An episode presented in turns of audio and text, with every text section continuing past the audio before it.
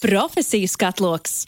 Laiks skrien ļoti, ļoti ātri. Jau piektais profesiju skatloks 5 LV ētrā. Šonadēļ esmu sazvanījies ar Uldi Dzenim. Čau, Uldi! Čau! Šī, manuprāt, ir tiešām pirmā reize, ka es gandrīz nezinu neko par profesiju, kuru es grasos uzzināt šobrīd. Jo par gīdu man bija kaut kāda nojausma, par parfimēru man arī. Bet ar mehāniķi man liekas, ir tik daudz dažādu nišu, ko tas cilvēks dara. Man gandrīz pat nav nekāda sajēga, ko tu dari. Tāpēc pirms mēs ejam dziļumā, kas ir tava profesija, ko tu dari un kādi ir tavi galvenie darba pienākumi? Jā, man ir vairāk amati vispār. Esmu, esmu ar Baltiku treniņu pilotu akadēmijas tehniskais vadītājs, bet esmu, esmu arī kvalificēts mehāniķis. Es pats esmu specializējies gan vairāk uz tā saucamo avioniku, jeb aviācijas elektroniku. Galvenie pienākumi ir veikt gaisa kuģa tehniskās apkopes. Tās var būt gan plānotas, līdzīgi kā automašīnai. Gan Kā- varbūt arī visādi defekti. Jā. Jā, kā notiek šīs apkopes? Tiek pārbaudītas riepas, spārni, propelleri. Kā tieši notiek šī pārbaude? Uh, Visdažādākajos veidos ir dažādi veidi pārbaudes. Ir, kā jūs minējāt, pārbaudes, ir arī remonti, ir jāmeklē arī defekti, ir jānomaina detaļas. Um, uh, visdažādākās reizes nedēļā, reizes mēnesī vai reizes simts stundās. Uh, ļoti sarežģīti un tā grūti būtu izstāstīt uh, katru pārbaudi vai, vai kaut kā smalkāk. Bet, uh, jā. Kad, kad, kad es gatavojos šai sarunai, es ļoti bieži attapos ar to, ka inženieris ir ļoti cieši saistīts ar mehāniķu, bet es arī īsti nesapratu, kāda ir tā galvenā atšķirība starp abiem viņiem. Kāda, tavuprāt, ir tā galvenā atšķirība starp mehāniķi un inženieri? Jā, es saprotu tavu aplikumu, jo ārzemēs eh, kā par inženieri sauc arī, ko mēs uzskatām par mehāniku vai tehniku. Um, tāpēc ir tā termina, varbūt tāda, tāds juceklis. Um, ir inženieri, pieņemsim, kas projektē gaisa kuģus. Ir inženieri, kas um, veido un seko līdzi gaisa kuģu dokumentācijai.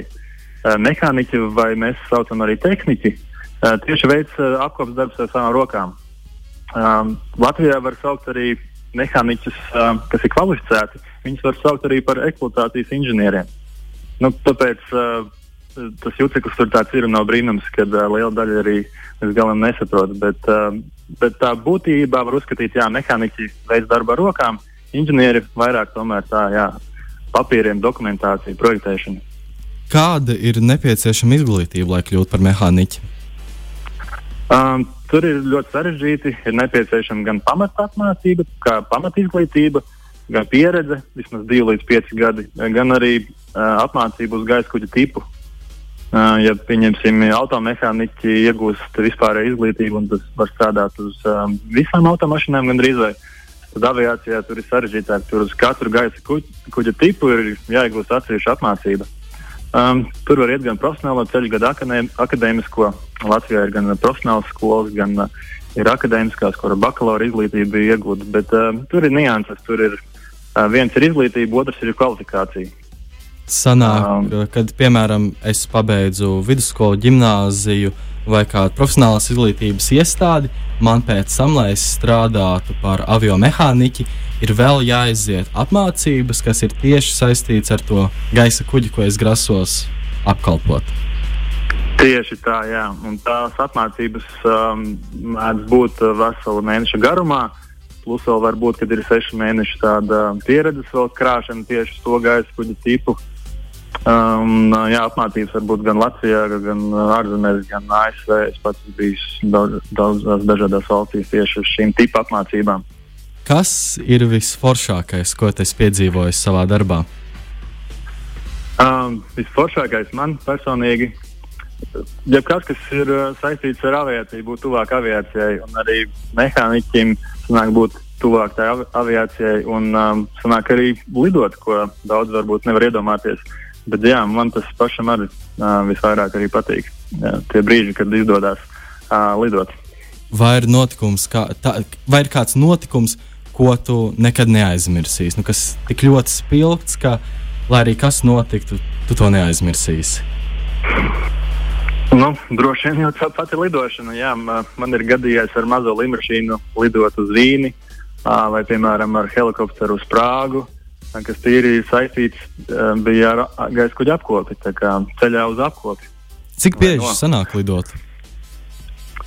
Uh, man pašlaik, diemžēl, maž, mazāk, bet um, um, mazajā aviācijā nav nekas neparasts, ka pēc kādas lielākas apkopes uh, mehāniķi tehniski lidotājā uh, lidmašīnā kopā ar pilotu veic dažādas kā, pārbaudes, kas ir jāveic arī lidojumā. To veic tieši pēc apkopes. Un tad tas ir varbūt reizes nedēļā kādam mm. mehāniķim sanāk to darīt. Daži jautājumi no klausītājiem. Vai tu pats māki vadīt lidmašīnu? Pats uh, mācīt, nemāku, man nav tāda licence. Bet nu, savas, iem, sav, savā ziņā iemaņas ir, jo arī tajos pašos uh, lidojumos pēc tehniskajām apkopēm ir, ir, ir izdevies arī mazliet pilotēt. Bet tas ir, protams, instruktora kvalitātes pilotu uzraudzībā. Sanāk, tev ir baltās tiesības lidmašīnas vadībā? Nē, Nē tāda, tādas nav. Ir, ir, vai nu, studentu tiesības ir, jā, kad uh, studenti mācās, viņiem ir tādas tā kā studentu tiesības un arī atļauja lidot vieniem pašiem. Jā, tā varbūt var uzskatīt par baltām tiesībām. Un vēl Man kāds nav. klausītājs ir jautājis, vai ir gadījies kāds negadījums, jo, piemēram, es arī domāju, ka mehāniķa darbs nes lielu atbildību par to, ko tu dari. Vai ir gadījies kāds negadījums tavā uzraudzībā, un arī kā tu centies kontrolēt šo atbildības vilni, vai vispār centies nedomāt par to? Uh, manā uzraudzībā tādi nopietni negadījumi nav bijuši, jo aviācijā ir ļoti stingri sakārtots un regulēts viss process, jo būtībā kaut kādas negadījumus vai problēmas vai kļūdas um, parasti atklāja vispār pirms līnija ir gaisā jo ir darbu veikts pēc konkrētas. Um, pēc konkrēta darba uzdevuma um, pašam ir jāpārbauda vēlreiz, kolēģi pārbauda vēlreiz, un tad veids visādas pārbaudas uz zemes. Tad ir tas pats arī, kā jau teicu, uh, lidojums pēc tehniskās apkopes. Un, um, nu, ja ir kaut kādas kļūdas, tas, tas tiek uh, jau atklāts parasti ātrāk. Um, par atbildību, jā, atbildība ir milzīga. Um, varbūt būtu melots, ja par to nedomā. Um, bet uh, bet uh, ātri iemācās ar to strādāt. Jo atbildība ir tik liela, ka um, ātri vien um, um, sanāk, uh, iemācīties strādāt tā, ka uh, par to nedomā. Um, divreiz visu pārbaudīsi un uh, palūgsi kolēģim, lai pārbauda, tad, uh, tad uh, nebūs tā, ka atbildība traucē. Kā es saviem studentiem saku, ja vakarā gribat aizmigt, uh, tad ātri iemācīsieties visu divreiz pārbaudīt. Tā var tikt ar atbildību galā. Internetā ir ļoti daudz aplikāciju, spēles, kur tu vari iejusties kā pilots vai arī kā lidmašīnas mehāniķis, vai arī apkalpot veselu lidostu. Vai tev ir kāda spēle saistīta ar lidmašīnām, lidošanu, ko tu ieteiktu cilvēkiem? Jā, spēlēm sen vairs neatliek laika. Bet es pats ieteiktu, varbūt uh, Microsoft Flight Simulator. Uh, tā ir tāda populārākā spēle, un uh, daudziem joprojām, man liekas, viņas spēlē. Bet, ja ir vēlme kaut ko tādu nopietnāku, tad es ieteiktu izlidot ar īstu simulatoru. To var Latvijā arī izdarīt. Tādu, kurš ir ļoti, ļoti līdzīgs īstai līnijai, kurš arī kustās.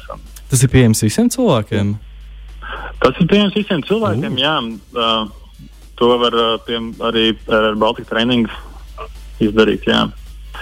Uh, nu, ne tagad, protams, bet uh, kad varēs, tad uh, jā, iesaku cilvēkiem painteresēties. Tas ir uh, vismaz vienreiz dzīvē, katram jāizmēģina. Iesaku. Jā, un kā vienmēr noslēgumā es vēlos pajautāt par to, kā jaunietim sākt. Piemēram, ir jaunietis, kuram ir 16, 17 gadi, un viņš vēlas kaut ko savā nākotnē saistīt ar aviomehāniķa profesiju. Kā sākt? Ko darīt? Es iesaku sākt ar um, to, ka uh, vispirms ir pašam jāsaprot, vai tiešām tā aviācija ir sirdslieta. Aviācijā arī mehāniķi nestrādā tādi, kuriem tā nav sirdslieta. Um, tad uh, tu tālāk vajadzētu noteikti painteresēties par izglītības iespējām. Uh, tas var būt Liepājas valsts tehnikums vai Rīgas Tehniskā universitāte, vai, vai ir arī dažas privātas skolas. Uh, tad, uh, ja izdodas sākt jau mācīties, tad uh, pēc iespējas ātrāk ir arī, protams, jāmeklē prakse. Un to var darīt arī pirms, pirms uh, sāk mācīties, jo nu, um, jābūt ļoti attīstītām, jā, tām tehniskajām zināšanām, tām prasmēm, ko rokām tieši dara. Jo mehāniķa darbs, kā jau teicu, tas ir darbs ar rokām. Jā, Maija jautā, vai lidaparāts var nokrist, ja ir ļoti liels gaisa bedres? Jo es spēju saprast, ka visu laiku saka, ka lidmašīnas ļoti drošs pārvietošanās veids, bet tik un tā mums cilvēkiem ir tā iekšējā baila, ka kaut kas var noiet greizi. Cik liela ir, cik liela ir tā iespējamība, ka lidmašīna, jā, tā var nokrist un viss beigas klāt. Pie lielām gaisa nu, praktiski nekāda, jo gaisa kuģus projektējot, eh, viņus projektē ar domu, ka viņi izturēs vislielākās gaisa bedres, kuras, eh, ja tā saucamā turbulenci, no kurām piloti eh, aktīvi izvairās. Tā, tā kā nevajadzētu tādā, tādās iekļūt. Iekļūst, tad tās varbūt šķiet, ka viņas ir ļoti lielas, bet tās, tā varbūt ir puse no tā, ko inženieri ir projektējuši to lidmašīnu. Tā kā nevajadzētu noteikti no tā baidīties. Un kārtējo reizi, Jā, lai tiešām pārliecinātu cilvēkus, ka lidot ir droši, cik liela ir tā iespējamība, ka lidmašīna var nokrist no jebkādiem traucējumiem, apstākļiem? Viss, vis, es teikšu tā, vismazākā no visiem iespējamiem transporta līdzekļiem. Tas ir vairākas reizes pierādīts, un nu, tur pat nav jādiskutē. tā, nu, ar jebkuru citu transporta līdzekli tā iespējamība būs, es teiktu, tūkstošiem reižu lielāka.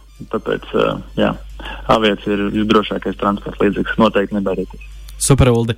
Paldies par sarunu! Profesijas katloks!